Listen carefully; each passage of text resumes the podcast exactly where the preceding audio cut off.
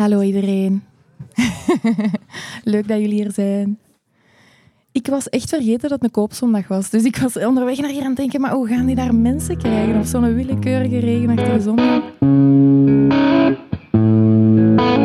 Hallo, ik ben Wim Oosterlink. Welkom bij de podcast Drie Boeken, waarin ik boekenliefhebbers vraag naar de drie boeken die wij volgens hen moeten gelezen hebben.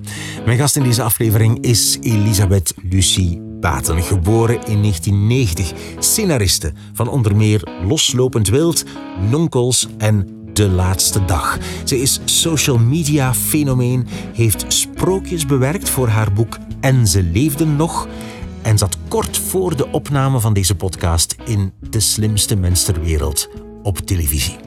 Deze aflevering van de podcast is opgenomen voor publiek in de Standaard Boekhandel op de Schoenmarkt in Antwerpen.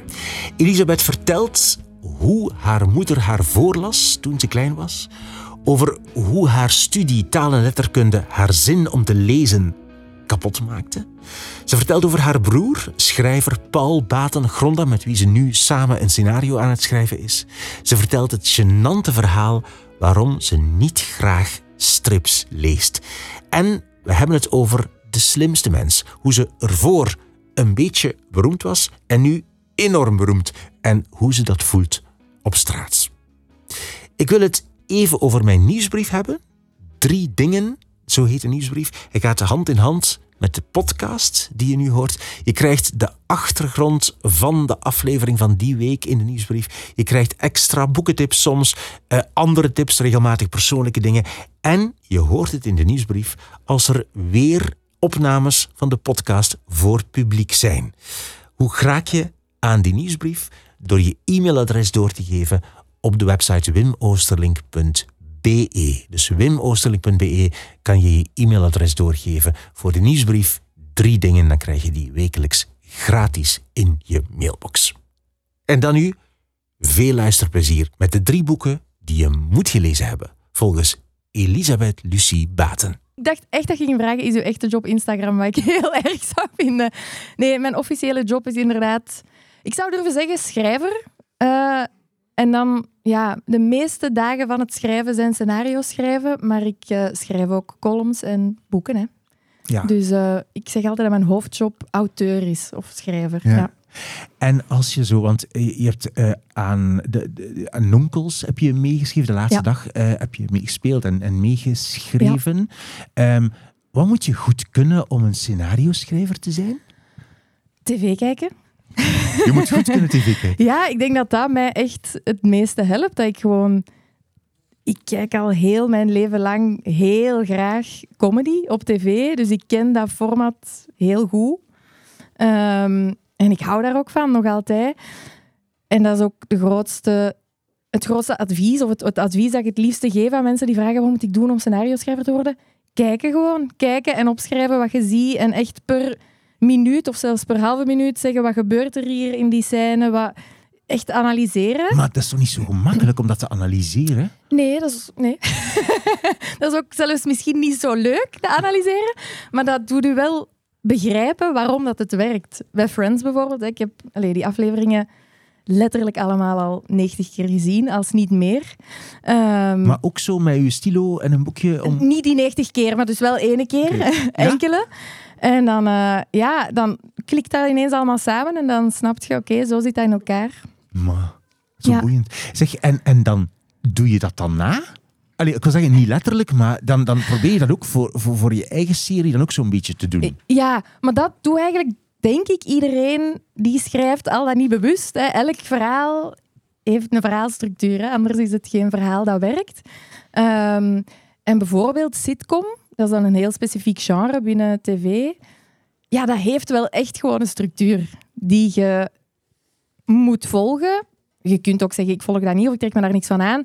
Maar dan ga je ook merken dat het niet werkt. Dus je kunt je daar niks van aantrekken en een heel goede aflevering schrijven. En dan kun je alsnog die structuur daarover leggen en dan past dat. Um, dus dat gaat altijd een beetje zo zijn. Nu, je hebt scenaristen die daar niet naar kijken, zoals Jan Elen of zo die kan dat perfect zonder, maar die afleveringen passen daar wel in, achteraf. Uh, maar voor mij, dat helpt wel, om daar zo eens op terug, uh, op terug te vallen als het even niet lukt of zo. Ja. ja. Is het een drukke periode? Heel. Oei, de Ja. blik. Heel, heel druk. Eh, ja, het is... eh, En hoe komt Ja. het? ik, had, ik heb dus meegedaan aan zo dat quizje daar. Dat, Ah, je ja. dat, dat klein quizje. Ik ga er straks iets van vragen nog. Oké. ehm, maar dus ja, dat heeft zowel wat deuren en ramen en garagepoorten opengezet.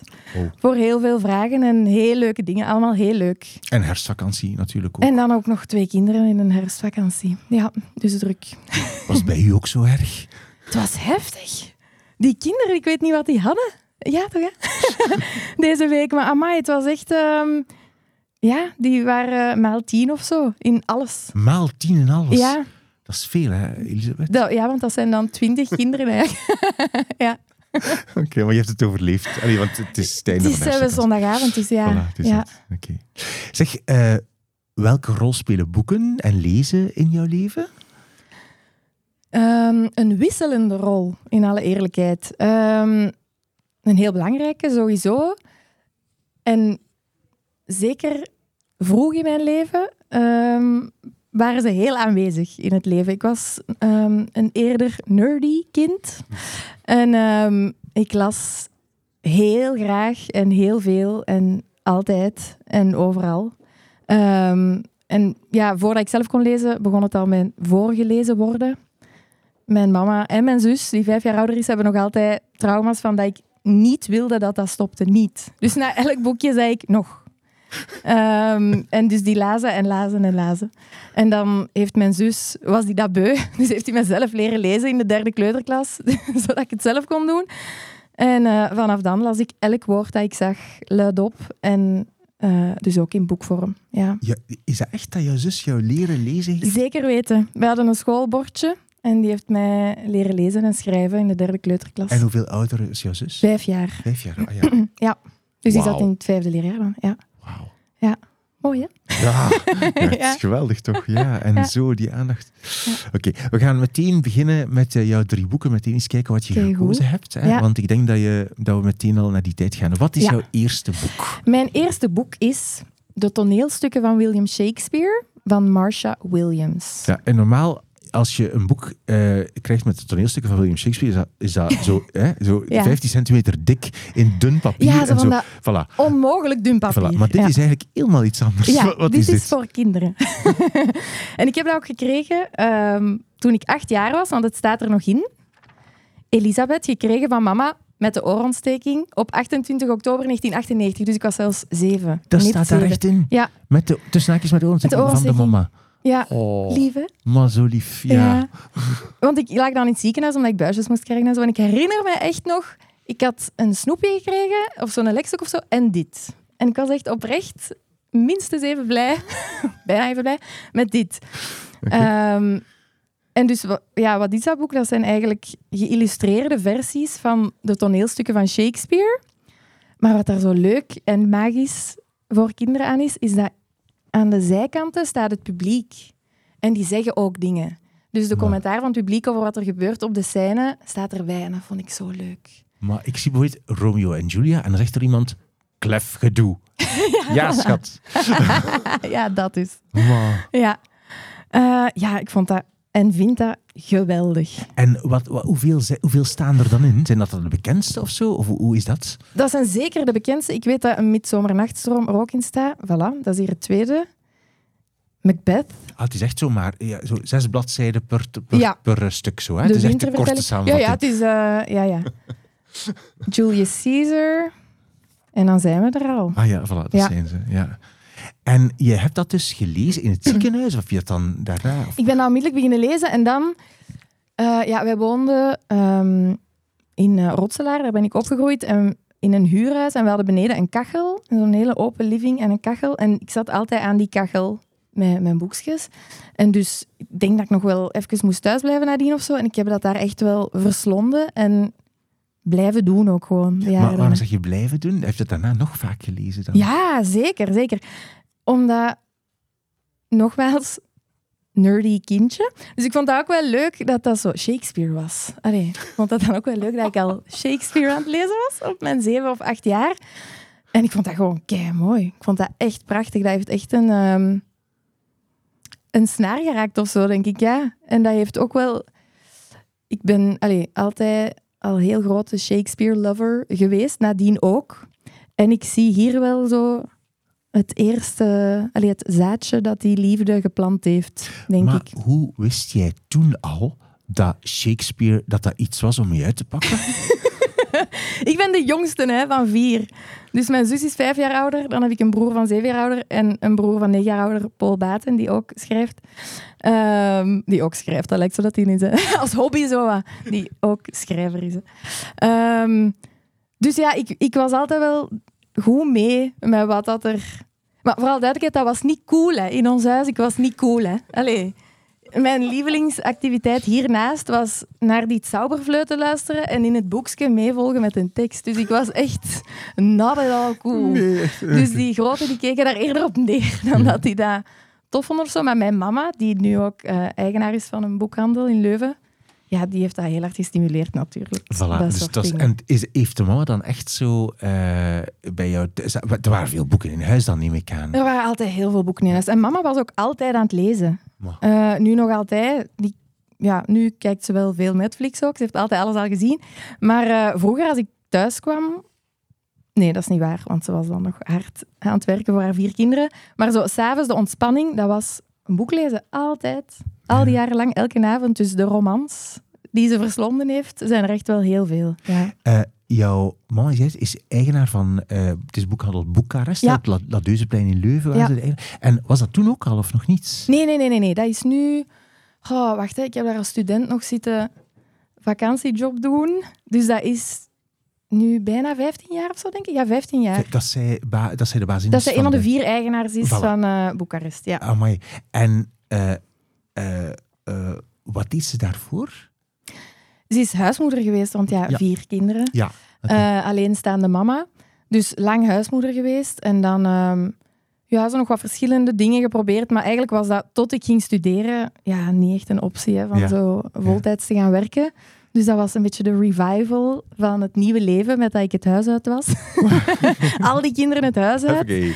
En dan kon ze eindelijk ja, echt gewoon... ehm, Aan haar die, leven beginnen. ja, maar ja, en ook die passie die er altijd al was en die kennis die er altijd al was, ondanks dat ze niet gestudeerd heeft. Ehm, ik ken niemand die meer weet van, eh, van literatuur en daardoor bij gevolg m- van de wereld. Allee, Mhm. eh, die is, mijn mama is echt geschoold door eh, boeken. Wauw. ja. En hoe was het voor jou om daar te werken als student? Dat was niet zo dikwijls. Hè. Ehm, maar ik ging daar ook studeren. Dus mijn mama was er dan aan het werken en dan ging ik daar aan een tafeltje. Daar staat één mini-tafeltje. Totaal niet de bedoeling dat je daar Ik aan ging gaat zitten. zeggen, daar staan- staan geen tafeltjes. Ja, daar staat een tafel bedolven onder boeken, die ik dan ergens anders legde. En dan ging ik daar wat studeren. Ja, heerlijk. De rust van, eh, van zo'n boekhandel, amai, zalig. Ja, en dat was een dan ook... beetje jouw biotoop zo. of, eh, Ja, hoewel... Allee, ik wil nu ook niet... Ik lees nu veel minder, jammer genoeg, maar... Ja, ik studeerde ook taal en letterkunde, dus dat, dat paste wel helemaal in het plaatje. Dat was ook op wandelafstand natuurlijk, de faculteit. Ik weet niet of jullie Leuven een beetje kennen, maar Boekarest is op Ladeuzeplein. en de faculteit letteren is ook achter het Ladeuzeplein. Dus ja. Ja. Ja. Je noemde al je broer, eh, Paul Batengronda, die broer dan. Ja. Eh, over, hij is ja, schrijver, een aantal boeken al gepubliceerd. Ja. Overleg je soms met hem over schrijven? Ja, veel. Ja. Hoe gaat dat dan? Ehm, we hebben echt zo een enkele jaren geleden of zo hebben we elkaar pas echt gevonden. Wat grappig is als je opgroeit in hetzelfde gezin. Maar hij is dus negen jaar ouder, zoals ik al zei. Dus hij was eigenlijk redelijk snel het huis uit. En ja, ik was zo'n klein petotterke. Dat daar, allee, wij hadden niks met elkaar gemeen. En nu blijkt dat wij heel veel met elkaar gemeen hebben. Allee, al is het maar gewoon letterlijk onze jobs. We, zijn, hebben een paar jaar gehad dat we allebei fictie aan het schrijven waren en een column hadden voor knak. En dat, dat waren onze twee jobs. Dus dat was gewoon hetzelfde. Ehm, dus we hebben heel veel contact nu, eh, dagelijks. We komen kijken overeen. En zeker als het over columns gaat of zo, altijd, ik stuur dat altijd door naar hem, hij stuurt altijd door naar mij. En meestal zeggen we gewoon, keigoed, of zo. Dit, dit woordje een beetje anders of zo, dat is het. En we zijn nu zelfs samen een reeks aan het schrijven. Maar, echt waar? Jazeker. Een Ja. tv-reeks dan? Ja. zo? ja. Ja. Want hij heeft ook al een tv-reeks geschreven, ook al. En ja, jij ook. Dus het is echt, ja, ik snap het, je doet echt hetzelfde gewoon. De ongekende jonge man Tom Leenaerts heeft ons nu samen in een kamer gezet. En dus Ah, voilà. nu zijn wij, eh, zijn wij samen aan iets aan het schrijven. Wat echt Ja. heel leuk is. Amai. En wanneer moet het klaar zijn? Wanneer moet het op televisie komen? Ik zal het zo vragen. Dat is, dat is 2026. Eh, nee, het zal iets vroeger zijn, maar niet veel vroeger. Eh, nee, nee, ik denk, allee, binnen een jaar spreken we van opnemen. Dus eh, allee, het is echt wel pas voor 2025 ten vroegste. Ja. ja. Oké, allemaal zo tof. Ja. En, en, en ja, je maakt dan geen ruzie of zo. Want ja, zo broer, Nee. zus, nee. Want dat is toch wel intens, hè? Samenwerken aan zoiets? Ja, maar ik denk, net omdat wij eigenlijk amper samen gewoond hebben als kind, hebben wij ook niet zo die typische broer-zus, ruzie, banter. Dat hebben wij eigenlijk niet echt. We- Dat is eerder bijna vriendschap, waar dat dan ook nog wel ja, zo het beschermende grote broer-ding, denk ik, zo wat in zit. Maar nee, wij maken daarover geen ruzie. En eigenlijk daarbuiten ook niet echt. Eh, nee, wij komen heel goed overeen. We lijken ook redelijk hard op elkaar van persoonlijkheid en Ja. dingen die we stresserend vinden en dingen die we leuk vinden. Maar Dus zo bizar dat je dat dan pas zoveel jaren later ontdekt. ja. ja, want eigenlijk kende ik die bijna niet. maar echt niet, echt niet. Voilà. En nu, eh, ja, blijkt dat een hele goede match. Ja, Lees je voor aan je eigen kinderen? heel veel. Ja, en heel graag ook. Zeggen ze ook eh, nog, nog, nog? Ja. Eh, ja. ja, eigenlijk wel. Ehm, ja, wij lezen elke avond voor zonder enige uitzondering. Minstens een half uur. Ehm, dus ja, dat zijn vier boekjes ongeveer. Dat is het minimum. En dan eindig ik altijd met in het donker nog eens ehm, het verhaal van, eh, van Grote Beer en Kleine Beer te vertellen. Dus zonder boek erbij, maar ik vertel dan elke avond op, de, op hetzelfde ritme eh, dat verhaaltje ook nog eens. Ze slapen op dezelfde kamer, dus ik zit dan tussen de twee bedjes in. Oh. Ja. Oh, Hoe oud, hoe oud zijn, zijn jullie zo oud ze zijn? Eh, ik heb een dochter van vijf, Alice, en een zoon van drie, Amos. 35 jaar. Oh, Ja. heerlijk. Ja. En, en, en, Vraag me dan binnen een week nog eens wat dat heerlijk ja, is. het is waar. En, en heb je dan ook zo... eh, mama heeft zelf een boek geschreven en gaat het nu voorlezen. Alice was echt mijn testpubliek vanaf fase 1. Ma. En dat is ook de reden dat ik het voor kinderen geschreven heb. Ehm, want eerst toen we over, over de herwerkte sprookjes spraken, dan was het idee om zo wat Sex in the City-achtig, zoals elke uitgeverij, denk ik. Wacht, Sst, ik wil er hier niemand dat je judgen. eh, een boek wilt maken. Ehm, en dan dacht ik, dan zag ik dat kleine Aliske van toen vier jaar in haar zeventiende prinsessenkleed eh een trap afkomen. En dacht ik, nee, ik ga dat voor kinderen schrijven. Zodat die ook een alternatief aangeboden krijgen voor, ehm, voor de klassieke sprookjes. gewoon. En dus je bent beginnen schrijven en zij was jouw testpubliek. Ja. Wat betekent dat? Dat betekent dat ik eerst echt van op mijn gsm uit mijn notitie-app het verhaal van de Kleine Zeemermin, dat was dan het eerste dat er lag, begon voor te lezen. Maar ja, die was toen vier, dus Allee, er waren geen tekeningen bij. Dat rijm stond ook nog niet helemaal op punt. dus dat was... eh, allee, ik wist dat ik er nog aan moest werken. en dan als ik schetsen kreeg, dan toonde ik echt de schetsen op mijn laptop terwijl ik eh, voorlas. En dat was in elke fase heeft ze meegelezen. Tot, tot het goed was. Ja, Ja. tot het helemaal goed zat. Ja, Ja, zeg. Zo Ja. grappig. leuk hè? Ja, heel leuk, tuurlijk, Ja. tuurlijk. Vertel eens wat je hiermee wou doen met, met jouw boek en ze leefden nog. Het is Ik- echt, al, alternatieve versie van sprookjes eigenlijk. Ja, allee, of... Wat ik in de eerste plaats wilde doen, was gewoon een fijn kinderboek schrijven. Ehm, daar heeft eigenlijk niet echt... Daar heeft nooit iets activistisch achter gezeten of zo. Het komt zelfs... Het idee komt zelfs van een mopje, eigenlijk. Want ik had een column geschreven voor Knak. Eh geüpdate sprookjes. Toen was dat nog anno 2020, denk ik, toen dat die uitkwam. En dat was om te lachen. Dat was ook voor volwassenen. En daar zijn dan uitgeverijen zo opgesprongen en gevraagd, kunnen we er geen boek van maken? En dan pas op, in tweede instantie heb ik gedacht, ah, misschien is het wel goed dat ik eens daarover nadenk of dat ik daar ook iets mee kan doen dat iets kan betekenen. Ehm, en dan botste ik al snel toen ik de traditionele of de, de klassieke versies, en dan bedoel ik echt de Andersen en Grimm versies, niet de Disney versies, toen ik die las, dat de hoofdpersonages van eh, het sprookje, de titelpersonages, dat die vaak geen woord zeiden in heel het sprookje. Dus door een roosje, een roosje zegt of beslist letterlijk niks. Ehm, en dan dacht ik, dat is toch bijzonder, want het heet Door een roosje. Dus ik dacht, ik ga kijken naar die sprookjes en zien wat is voor mij het thema, of wat is algemeen het thema dat je daar kunt uithalen. En wat is een verhaal of, een, of iets dat ja, hoofdpersonage kan meemaken binnen dat thema, maar waar dat hij zelf beslissingsrecht heeft en waar dat hij zelf eh, eh, dingen in zegt. En ook uit het Sprookjesbos zijn eigenlijk echt gewoon verhalen. Ehm, ja, dus dat, dat is eigenlijk wat, wat, wat de bedoeling was, of, of wat, hoe, dat, uh, hoe dat, dat zo gegroeid is. En dan is dit eruit gekomen en mensen vinden het leuk. Ja. dus zeggen, dat is heel fijn. Mensen, ja, dat is heel, heel blij, ja. En ze leefden nog ja. uh, van Elisabeth Lucie Baten. Liet een hele stapel. Ja. Uh, jouw eerste boek, daar komen vandaan, heet Het ligt op jouw schoot en ik lees je voor. Um, de toneelstukken van William Shakespeare, gepresenteerd door Marcia, William, Marcia Williams. Dat zal waarschijnlijk Engels uh, ja. zijn. En het is vertaald, wellicht. Ja. En ze heeft ook nog een hele reeks andere boeken, heb ik gezien. Is dat? Ah, dat weet van ik dus andere dingen die ze ook uh, bewerkt heeft en zo. Oh. Ook een, uh, de, oh nee, oh nee. nee. heb je ook, want het is eigenlijk een, een, ja, een beetje een stripverhaal. Heb je, nog, heb je los van boeken ook nog veel strips gelezen? Eigenlijk totaal niet. Niet? Nee. Okay. Nee, ik ehm, ben nooit echt een striplezer geweest.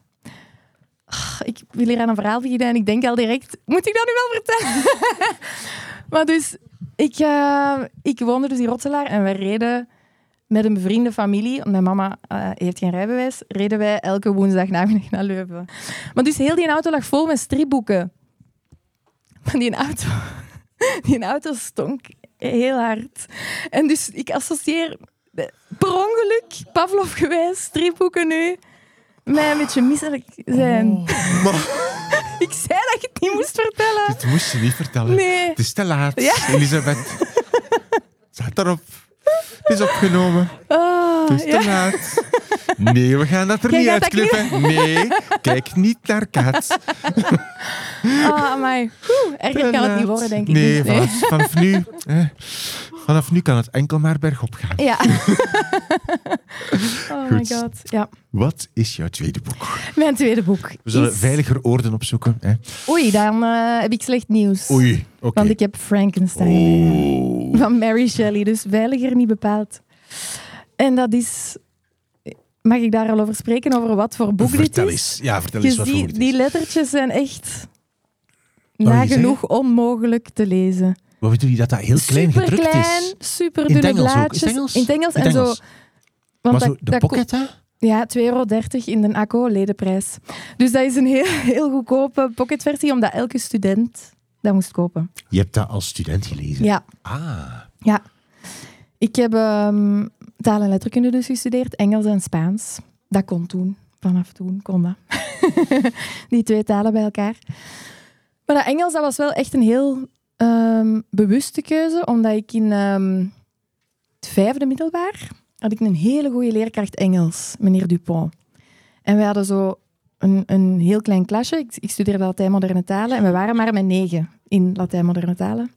En dus Engels was maar met die negen. Dus we zaten daar zo echt bijna Harry Potter gewijs in een klein houten, eh, alleen met een houten krakende deur, een klein lokaaltje met meneer Dupont. En daar heeft hij dus gesproken over Engelse literatuur voor de eerste keer ehm, in mijn leven dat ik daarover eh, leerde. Mhm. En ik heb echt daar beslist, dat is wat ik wil gaan studeren. Ja, En waarom sprak dat zo aan? Was dat door hoe hij het aanbracht? ik denk, ik ben altijd wel een anglofiel geweest. Begin, beginnend dus bij Shakespeare. Ja. Ehm, maar daar, ja, ik denk wel echt dat dat daar wat begonnen is. Want ik herinner me niet... Ik denk dat ik wel al een beetje in het Engels las voordien. Maar daar... ehm, ja, ik weet zelfs echt oprecht niet meer wel- over welke boeken dat wij het hadden of zo. Maar de passie waarmee dat hij daarover vertelde... En, en de taal, hè. ik hou, ik hou heel veel van Engels. Ehm, Kan jij ook zo heel mooi Engels spreken? God no. Nee, echt niet. Nee, ik praat echt zo'n beetje Amerikaans-Engels. Ah ja, zo. Ja, echt, eh. Of zo, nee, gewoon Vlaams-Engels. Nee. Vlaams-Engels, we ja, niet prachtig, niet prachtig. Maar toen wel, eigenlijk. Toen was ik zo... Als ik Engels sprak, dan was dat echt zo Brits. Maar wacht, je bedoelt nu niet in het middelbaar, je bedoelt in het hoger, hè? Beide. Ja, dus beginnend, in het vijfde middelbaar. Zo, tussen 16 en 22. Ja, Die periode zoiets. zo. Ja, inderdaad. En hoe kwam je, vertel een keer, en Frankenstein, dat was niet van meneer Dupont? Nee, dus dat was echt al in, eh, aan de KU Leuven. Ehm, ja, wij moesten heel veel lezen. Een beetje met de nadruk op moesten. Ineens werd dat iets dat je moest doen. Ehm, en dat verandert de relatie met lezen wel. Als je ineens op een semester zeven of acht boeken moet gelezen hebben. Ehm, en daar zaten ook boeken bij die mij echt niks, niks deden. Geef, geef eens een voorbeeld. Graag. Ja, Joseph Conrad, Heart of Darkness. Dat kwam heel snel. Niks. Ik heb me daardoor moeten ploeteren. Dat... Ik dacht, waar, waarom ben ik... Allee, dat deed me niks. En dit was een van de eerste. Want Mary ja, Shelley, ja. ja. eh, waarvan ik dacht, oh, dit wel. En waar, waarom wel? Wat is het verschil dan? Ehm, ja, het was misschien ook wel echt oprecht het eerste boek dat door een vrouw geschreven was, dat op onze lijst stond. Ik denk niet dat ik toen door had dat het daarom was dat het mij voor het eerst iets deed, maar ehm, ja, versus Conrad en Hemingway was dit echt het eerste waar ik iets bij voelde. En dat ik met plezier gelezen heb. En, en ik herinner mij nog dat ik dat gelezen heb. Terwijl die andere boeken, ik weet niet meer waarover dat, dat gaat. Ik- dat was echt gewoon lezen alsof het een arbeid was en dan zien dat je de vragen juist beantwoordt. En dit, ik, ik eh, weet nog hoe ik mij dat Zwitserland van Frankenstein inbeelde. Dus dat heeft, ehm, ja, dat was echt wel anders op een, op een bepaalde manier. En het boek, allee, je vindt het boek inhoudelijk, het sleept jou mee. Je- Ja. je- mijn vraag is eigenlijk van, wat vond je daar nu goed aan? Hè? Waarom moeten we dit gelezen? Wat, wat is er zo goed aan? Ik eh, ben het terug beginnen lezen, maar pas een week geleden. Dus ik, ik heb het nog niet uitgelezen, want het is wel sindsdien geleden. Hè? Oh ja. Ehm, maar ik vond het nog altijd... Het is van midden 19e eeuw of zo, denk ik. Of 18... Ik weet het niet. Allee, lang geleden. Kijk niet naar mij, Maar, ik, heb, ik heb eh, geen gestudeerd. Ik ook, maar ik weet er niks meer van. Ehm, nee, dus dat, het is oud, maar eigenlijk leest dat niet per se oud. Dat leest eigenlijk nog altijd redelijk hedendaags, vind ik. En weet je wel wat bijzonder is? Maar ik kan echt er heel hard over gaan neuzen. Dus Ga je nu weer een gênant verhaal vertellen? Nee. over- Ah, nee. nee, maar misschien wel een gênante uitspraak doen. Maar dus, ehm, Frankenstein, ik weet niet of jullie het allemaal gelezen hebben, maar jullie kennen het verhaal allicht, hè, is een wetenschapper die dat eigenlijk een beetje denkt dat hij boven de regels van de menselijkheid staat. En ik had een beetje Elon Musk-vibes nu. Toen ik dat nu opnieuw las. Nu dacht ik zo, ah, zo die mannen die zo denken, maar ik, ik ga onsterfelijkheid creëren. Of ik ga, eh, allee. Eh, dus daar moest ik, dus ineens voelde dat kei hedendaags. Ehm, Wat een mooie vergelijking. ja, boeiend. Ik dacht dat je misschien gênant. gênant... Oké, phew. Eh, maar ik had ook zelf niet gedacht dat ik dat, dat ik dat ging denken. Maar ik las het nu opnieuw en ik dacht... ehm, ah ja, dat heeft voor mij wel wat... Amai, Wat allemaal die- lezen. En, en lezen Ja, in functie en van... het is ook echt spannend. En, en dat is het eerste science fiction boek ever. Zeg, Eh, zeg, je, je zegt dat, je, dat jou, dat door dat letterkunde studeren, dat jouw ehm, relatie tot lezen veranderd is. is dat, allee, dus je hebt het uitgelegd waarom. Is dat zo gebleven of is dat, is dat weer goed gekomen? Ehm, dat is maar heel recentelijk goed gekomen of terug eh, een beetje aan het worden wat het was. Omdat, ja, ik heb dan dat gestudeerd en dan is dat echt wel lang blijven sluimeren. Zo, dat dan... erg is ja, dat erg? raar hè? Ja. Erg dat je zo een richting doet die daarover gaat en dat je dat dan niet tof Ja. vindt. Ik denk dat als je literatuur tof vindt, dat je dat best niet gaat studeren. Maar. Of misschien zo op latere leeftijd of zo, maar... Maar ik heb, en ik, in deze podcast, ik heb al een aantal mensen geïnterviewd in deze podcast. Ik heb dit al zo vaak gehoord. Echt Ah ja, oké. dan Van mensen ik- die hetzelfde zeggen. Ah ja, voilà. Dat is Ah, toch jammer, hè? Ik vind dat verschrikkelijk. Ja, hè. ik ook. ik ook. Want waarbij ik dat bijvoorbeeld ook heel hard merkte is... Je krijgt dan in Engelse literatuur, wat dan nog altijd mijn lievelingsvak was, hè, voor alle duidelijkheid, eh krijg je zo de Norton Anthology of English Literature. Een keidikke boek met van die flinterdunne, flinterdunne bladzijden. Ehm En daar staan dan bijvoorbeeld sonnetten in, sonnetten van Shakespeare, die ik al kende, wegens nerdy kind dat Shakespeare leuk vond. En dan ga je ineens zo'n sonnet volledig ontleden en elk woord tien keer omdraaien en dan neemt de romantiek helemaal weg. Dus ook daar uh, was dat heel... Dat is een totaal andere manier van kijken naar literatuur dan, dan het te lezen en ervan te genieten en je eigen... Allee, ja, dus dat is wel bijzonder. Ja, ja. zo raar. Ja. En het is nog maar recent teruggekomen. Zeg je recent nog maar veranderd? Of? Ja, omdat... Ja, ik heb dan gestudeerd. Dan heeft dat dus even een paar jaar doorgesluimerd. en dan kreeg ik kinderen. En ja, dan is het sowieso gedaan met lezen voor even. Ja. Uh, en nu zijn die vijf en drie, dus nu begint dat heel ah ja, stilletjes aan. Terug te terug, komen. Zeg, je hebt ook zegt Engels-Spaans. Is er van dat Spaans iets uh, qua boeken overgebleven of qua, of qua schrijvers of zo? Um, ik heb toen. Goh. Ja, wat, wat heb ik toen gelezen? Ik, The House on Mango Street van Sandra Cisneros heb ik toen gelezen, maar ik, de titel is in het Engels, dus ik weet even oprecht niet meer of ik dat in het Engels of in het Spaans gelezen heb. Mm. Um, en dat ging dan zo over um, uh, Latijns-Amerikaanse, uh, Mexicanen die in Amerika wonen. Dus dat vond ik super interessant. Maar voor de rest, ja, bij Spaans is dat ook anders, hè, omdat je ook gewoon nog Spaans moet leren. Dus, dus die, die jaren zien er helemaal anders uit dan bij Engels. Bij Engels kunnen er direct invliegen. En bij Spaans moet je echt leren lezen in het Spaans. Ehm, en zelfs na de drie jaar is een roman nog altijd wel um, eerder een opdracht. Dus dat was ook met veel minder, uh, veel minder echte romans lezen. Ja, ja. Oké, goed. Mary Shelley, Frankenstein. Um, ik ga straks iets vragen over het spelletje of op televisie. Dat ik straks vragen, maar ik wil nu al iets vragen over... Ik denk dat mensen willen weten. maar ik ga nu iets vragen over Instagram. Oké. Goed. Um, Oké. dus, jij doet al heel lang van alles op Instagram. Klopt. Dat weet ik. Maar de laatste tijd, Elisabeth. of bedoel jij... je Katrien? zeg, zeg het dan een keer voor mij zo. Politiek PR met Katrien. Politiek PR met Katrien? Zo, en dan met de, de, de, de glimlach erbij. Ja. Uh, als je dan, voor mensen die aan niks zegt, je moet dat opzoeken. Oké, dat is echt belangrijk voor je leven. Zoek dat op. Oké, goed, ja. Um, jij, jij maakt nu politieke dat heet politieke satire. Ja. Hè? Hè? Dat is eigenlijk, er worden zo tv-programma's gemaakt die dat proberen en dat mislukt dan. Hè? Jij doet dat. Gewoon, dat lukt bij jou op Instagram. Dat is ongelooflijk. Dat is echt fantastisch. Het is zo grappig en zo juist en zo hard en zo. Oh, het is ongelooflijk. Dankjewel. Hoe, bij, hoe is dat ontstaan? Hoe ben je daarop gekomen? Um, uh, ik heb, mijn eerste Katrien-filmpje was een telefoontje met uh, Van Quickenborne. Nadat hij gezegd had dat um, huismoeders ook iets zouden moeten bij, bijdragen aan de maatschappij. En um, dat zijn dingen waar ik boos van word. Altijd al. En dan kan ik daar een column over schrijven of wat stories over posten. Maar ik had toen een paar maanden geleden op TikTok, op TikTok alleen een paar maanden voordien, iemand gezien. Uh, Clara heet die. Color Me Loverly is haar, een, is haar een naam op TikTok. En die doet alsof dat ze de PR is van uh, de Hollywood celebrities.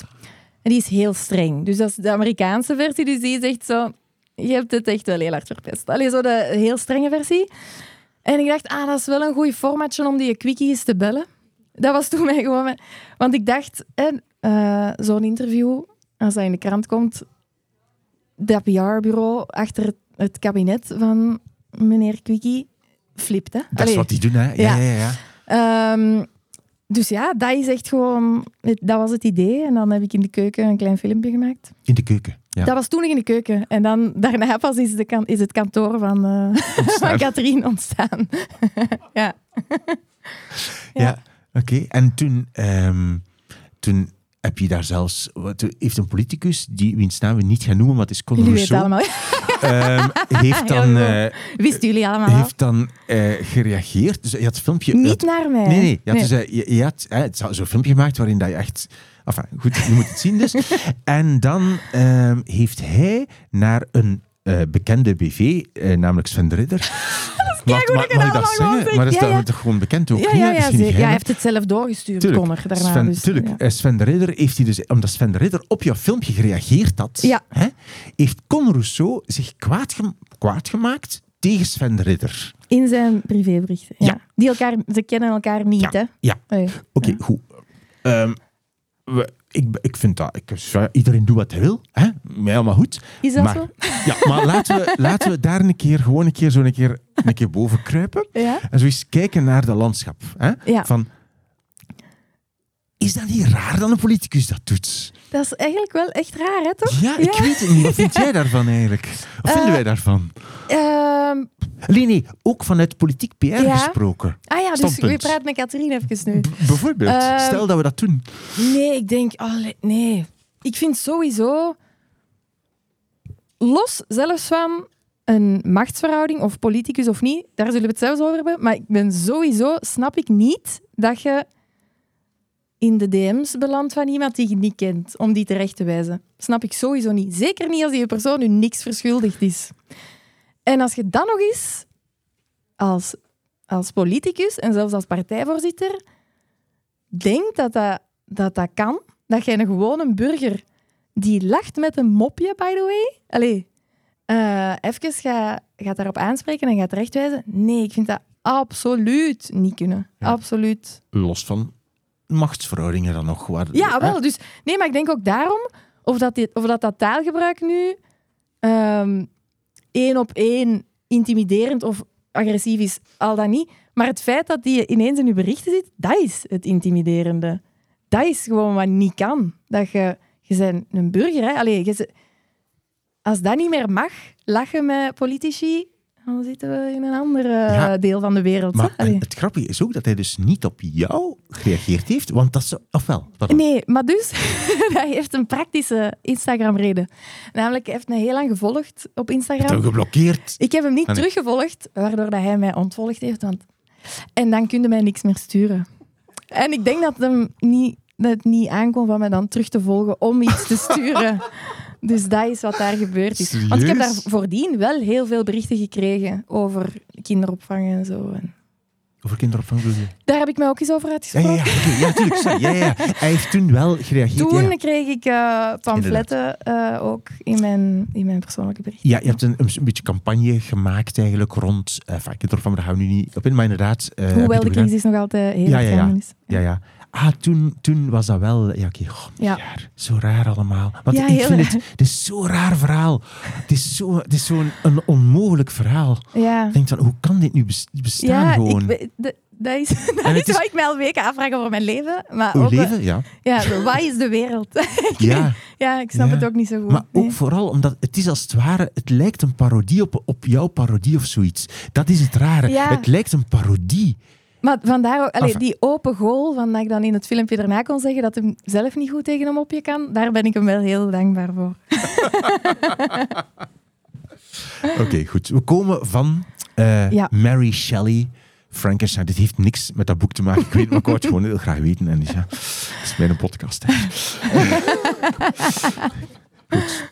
Ehm, wat is jouw derde boek, Elisabeth? Het boek dat mij terug heeft doen lezen. Oké. Namelijk The Thursday Murder Club van Richard Osman. Je mag daar direct dingen van vertellen. Wil je eerst voor mij het begin voorlezen? Oh nee, nu ga ik dat slecht Engels moeten bovenhalen. ik wist niet waarom, maar nu wel. Well, let's start with Elizabeth, shall we? Dat is de eerste zin. Is voldoende. Keigoed, keigoed. Amai, dat was ik echt vergeten. Let's start with eh, Elizabeth. Ja? Nee, ja. Vertel, waarom... dit heeft jou terug doen lezen. Ja. Hoe, vertel.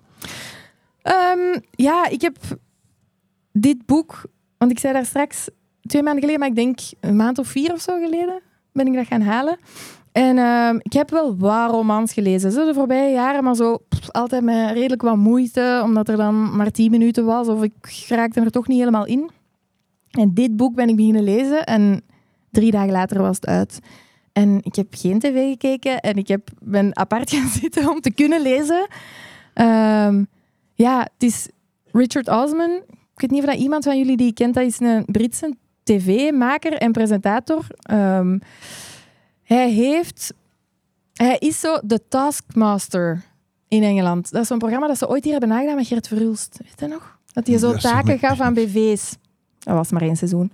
Eh, maar mijn Oh, man heeft dat kijk, meegemaakt, vandaar dat ik dat weet. Die blik dus, hè. Die, die zou je moeten zien. maar één seizoen en dan die blik. Oh. Ehm, maar dus hij is een hele grappige, hele slimme mens. En die heeft dus ineens is hij dan romans beginnen schrijven. Dit, The Thursday Murder Club. En dat gaat over... Dat speelt zich eigenlijk af op een, ehm, in een fancy gated community met, waar dat senioren wonen. En ehm, een, een clubje van die senioren verzamelt elke donderdag om oude moordzaken eh, op te lossen. Vandaar de titel. Ehm, maar dat is zo grappig geschreven, zo spannend ook. Ehm, ja, ik had er direct super veel voeling mee. Het is helemaal mijn type taalgebruik en humor. En ik denk misschien, ik besefte pas daarna dat ik wel graag dingen lees en hoor van tv-makers. Dus, of, en van comedians. Dus dat dat wel zo misschien een beetje een rode draad is ehm, in de dingen die ik leuk vind. Eh, ehm, ja, Voel je daarin dat dat een collega is? Voel je daarin dat ja, dat... ik weet niet. Het is Ja? echt 100% mijn humor hoe, en hoe ik het zou willen geschreven hebben. Allee, Ja. dat, en misschien zelfs hoe ik het had geschreven als ik in zijn omstandigheden... Allee, ehm, ja, ik lees dat heel graag. En er zijn er ondertussen vier. Het vierde is vorige maand uitgekomen. Is jammer genoeg al uit bij mij. Maar ik heb dus die vier boeken op echt superkorte tijd gelezen, wat heel veel zegt, want ik kom van jaren amper lezen. En vier boeken in de reeks The Thursday Ja. Murder Club. Ja. Dus 1, 2, 3, 4. Diezelfde personages, Ja. Elizabeth en Joyce. En, Ja. Elizabeth, ja. Ja, ja, ja. ja. Allee. ja.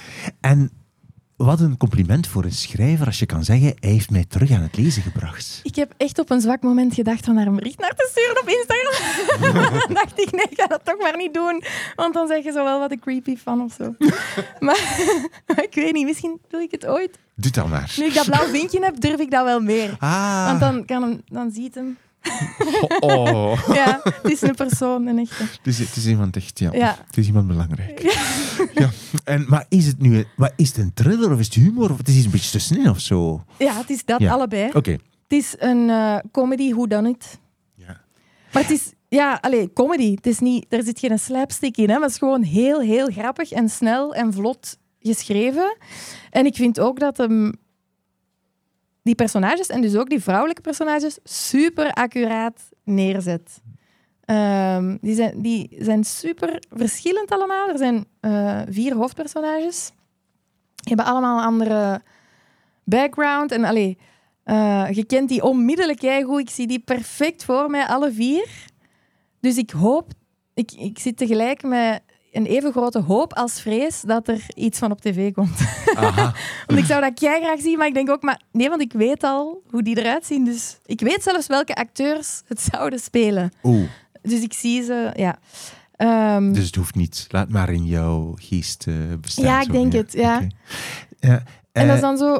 Allee, want ik, ik had ook iets meer literair kunnen meepakken. Hè? Maar zo, ik ben ook wel een grote fan van niet te hard niche willen... Allee, ik, eh, vind het niet zo fijn als mensen denken dat iets dan een record-breaking million copy bestseller is, dat dat dan ook per definitie geen hoogstaande literatuur is. zo.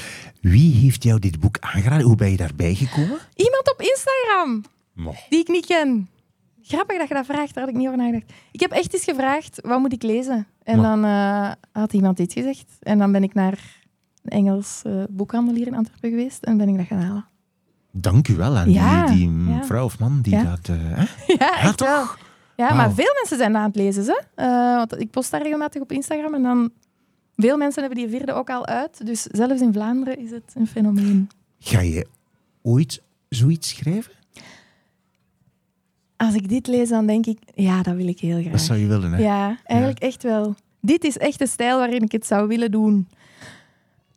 Maar dat is ook wel in het Engels. En ik vraag me oprecht af of dat ik dat kan overbrengen naar het Nederlands. Zou het werken in het Nederlands? Ja, ik, ik weet het niet. Ik lees altijd, bijna altijd in het Engels, bijna uitsluitend. Dus zo voor echte romans zit het Engels me wel veel helderder dan het dan het Nederlands. Dus ik denk als ik ooit dan toch aan de roman begin, moet ik eerst mijn, uh, mijn Nederlandstalige klassiekers nog eens bovenhalen, denk ik, of zo. Um, maar dit geeft wel heel veel goesting. Ja? Als ik dat lees, dan denk ik, ah, maar ja, dat wil ik ook echt doen. Ja. Maar heb je geen tijd aan nu? Nee, nee nu niet. Nee, nee, nee zeker niet. Oké, goed. Zeg, uh, hoe was het eigenlijk in De Slimste Mens ter Wereld, Elisabeth? De slimste mens? Nee, maar wat zeg jij daar allemaal van? Je zegt van, amai, dat heeft zo duur geopend. Wat, wat, wat, bedoel je daarmee? Nee, wacht, nee, wacht. Eerst, hoe was het bij Erik? Bij Erik? Alleen zo, het spelletje. Vertel een keer. Wat gezellig. Gezellig? ja. Um, ja, heel gezellig en heel stresserend tegelijk. Ja? Want um, ja, je weet wel dat daar wat mensen naar kijken. En ik wist ook eigenlijk pas redelijk laat dat ik mocht meedoen. Dus ze hadden mij, ik heb begin mei meegedaan aan een cafetest en ze hadden gezegd binnen twee weken of zo. En dus vanaf één week later stond mijn gsm altijd op luid. Begin augustus hebben ze mij gebeld. dus ik heb echt maanden, elke keer als ik telefoon kreeg van een onbekend nummer, gedacht... nee, nee, ik snap het niet. Dus ze hadden gezegd dat ze mij half mei ongeveer gingen bellen. En ze hebben begin augustus of pas je mocht Of ik meedoen. mocht meedoen. En ze hebben pas... Ze hebben pas begin augustus. Er was een hele grote BV. Ik weet wie, maar ik mag niet zeggen wie. En als die, ging, als die dan toch ja ging zeggen, dan... Connor. Nee, die heeft al meegedaan. Is dat meegedaan? Ja. Maar die hele, grote, BV... BV die dat, en jij was de reserve. Ik zat met een aantal anderen in een reserve pool. pool. En nu doen die allemaal mee. Maar ik denk dat ze eerst dan in één grote BV ja had gezegd, dan hadden ze moeten zien wie lift er hier Ah. zo wat uit. Ja. Maar dus ik mocht dat meedoen. Ehm, maar daar heel fijn ze, heel fijn. Ja, zo dat celebrity lifestyle. Ik ken dat ook nog niet. Hè. Zo aankomen en zo gepamperd worden. En ik vind dat nog altijd kei leuk van geschminkt te worden. Allee, ik geniet daar nog altijd super hard van. En uw loge en zo. dat is allemaal super fancy zo. En ze zijn ook wel heel lief, hè, want ze weten ook, iedereen staat hier onder stress. Dus je wordt echt wel zo tot de seconde dat het over vragen gaat, heel goed in de watten gelegd en eh, proberen ze rustig te houden. En dan worden er twee afleveringen per avond opgenomen en een opname duurt bijna drie uur. Dus, Eh. dus oh, van, wacht, we hebben gedraaid van zes tot iets voor één. Wauw. Eh, met tussen twee afleveringen 20 minuten pauze. dus dat is wel heftig. Maar ben je echt toch dood? Amai. Ja, en, maar dat, je gaat zo hard op adrena- adrenaline dat je dat pas. Ik voelde dat pas twee dagen daarna. Ik kon ook niet slapen die nacht, want ik was nog helemaal. Want ik had toen ook nog gewonnen, weet je nog? dus ik was nog kei blij. en Herman Brusselmans had ook gezegd. Allee. Dus ik was nog helemaal zo aan een high. Dus niet geslapen en gewoon zo, zo in bed gelegen. En dan, ehm, en dan eh, dat is nu ook ehm, inside information, dat wordt op voorhand opgenomen. En wat gebeurde er dat weekend tussen mijn tweede aflevering en mijn derde aflevering? Conor Rousseau.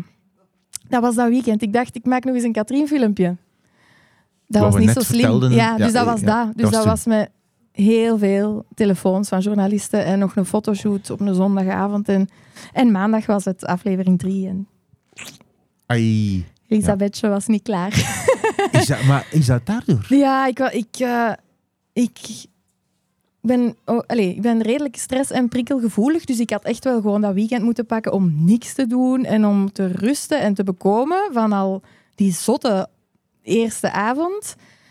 Dus ik was eigenlijk echt stik kapot eh, bij die tweede opname. Dus bij de derde aflevering. Ja. Ja. En ik raakte er heel moeilijk, moeilijk uit. Ja, jammer hè? Dank, dus door Connor eigenlijk. Ja, Door Connor. maar wat je zei daarnet van, zo, dat, dat, dat opent zoveel eh, weet je, poorten, deuren. Wat bedoel je daarmee? Ja, dat... Allee, dat, dat heeft mijn, bijvoorbeeld mijn aantal volgers op Instagram redelijk hard maal bijna tien gedaan. Dus je komt ineens zo wel in een realm van publiek. Wacht, hè, Je bent, plots, je bent plots gewoon super bekend. ik ben Iedereen van kent jou. niche Voilà. naar commercieel Dat is het? Ja, maar nee, maar ja. Dat Nee, maar dat is, ik vind dat niet erg, Nee. zoals ik daarnet zei. Ja, je, je bent Eh. van een be- beetje bekend naar mega bekend. Iedereen kent jou gegaan. Ja, maar allee, dat weet ik dus niet, want toen ik een beetje bekend was, spraken mensen mij heel de tijd aan. En nu niet meer, niemand. Nu hoor ik zo soms Elisabeth als ik ergens voorbij loop, maar mensen spreken mij niet meer aan. Dus please, als je mij eens ziet, doe dat, want ik vond dat kei leuk. Terwijl toen ik nog 20, toen ik 20.000 volgers had, namelijk letterlijk drie maanden geleden, sprak, spraken mensen mij heel de tijd aan. En zeiden die, oh, jij bent toch Elisabeth, hè? Want dan waren we zo'n klein clubje van... Maar dat is het, hè? Ja. Het is een beetje van, ja, ja, ja, ik snap wat je zegt van niche en commercie. Ja, ja. ja. dus dat is anders nu. En een beetje wennen. Want het is gedaan. Ja, het is, het is gedaan. Het is Ehm, om zeep. Ja. maar ja, nee, nee ja, dan bellen ze ook wel voor jobs en zo. Hè. Dus dat is wel eh, heel leuk en heel anders dan het tien jaar lang was. Ah ja. Dus dat is wel heel Heb tof. je het gevoel dat je zo heel lang geploeterd, is het woord dat ik wil gebruiken, maar zo lang gewerkt hebt om dan nu zo een beetje in de situatie te zitten waar je eigenlijk, wat eigenlijk goed is? Ja. Ja? Ik heb heel lang jobs gedaan die ik echt niet leuk vond. Ehm, omdat ik natuurlijk gewoon moest werken. Heel veel verschillende jobs gedaan ook. En dan op een bepaald moment beslist, oké, ik stop met die stomme jobs. Ik ga scenario schrijven, hoewel ik dat nog nooit gedaan heb. Ehm, en dan, ja, ik weet niet of je dat weet, maar schrijvers worden heel vaak gewoon niet betaald. dus je wordt heel vaak gewoon gevraagd, heb jij zin om deze een klein beetje testje te doen of zo? En dan werk je daar vijf dagen aan en dat is dan gewoon voor de ervaring of omdat je dankbaar mocht zijn dat je hebt mogen. Dus zo is dat voor elke scenarist en voor elke schrijver, denk ik, de eerste jaren sowieso. En dat is heel stom en onnodig, want schrijven is werk, dus je moet daarvoor betaald worden. Maar dat blijft nog altijd wel een beetje zo, ja, dat je heel hard onderbetaald wordt. En dat vind ik ook zo'n beetje het rare aan dat mensen mijn naam nu kennen, dat ik nu ineens wel te goed betaald word. En dan denk ik, daar hangt het toch helemaal niet van af. Het is hetzelfde werk. Ja, en mijn vriendinnen die jij niet op tv hebt gezien, die werken even hard. En dus doe mij ook zo wel een beetje de rare kantjes van, van eh, de job zien of zo. Maar ja, het was echt wel heel veel jaren gewoon onbetaald werken. En, en bijvoorbeeld ook op Instagram. Ik ben dat echt al kei lang aan het doen. Eh, en eerst voor een veel kleiner publiek, wat ik ook helemaal niet erg vond. En nu beginnen ze met te vragen om dat ook voor geld een keer voor een bedrijf te doen of Ah, zo. ja, ja, zo. Ja, ja. Dus dat is echt wel na heel veel jaren dat daar de eerste euro's voor, eh, voor Hmm. binnenkomen. Oké. Ja. Je hebt ook een eigen podcast, Ja. Tater bij de Wijn. Ja. Vertel eens kort wat dat is. Dat is gewoon mijn beste vriendin Paula en ik. En wij praten en wij dronken wijn. Eh, maar Wacht. nu drinken wij geen wijn. Waarom? Ja, ik drink eigenlijk even, ik drink even niet meer. Eh, ja, ik denk dat mijn stresshormoon een beetje te hoog ligt of zo de voorbije maanden. Dus mijn goesting voor alcohol is even gaan liggen. Wat heel bijzonder is als je mij voordien kende. Eh allee, niet om te... Maar bon, nee, dat was misschien... Was dat nu erger dan dat stripboekverhaal? Nee. Ehm, nee, want dat blijft super erg.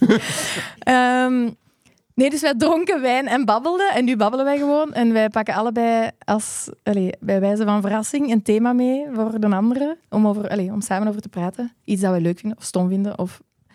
En daar praten wij gewoon over. Babbel, babbelpodcast. Tater. Tater. Tater. Bij de wijn Tater zonder bij wijn. het alcoholvrij pintje. Voilà. Dus, eh, goed, echt goed. Ehm, wil je... Ik heb nog één vraag zo meteen. Ja, Over iets anders. oké.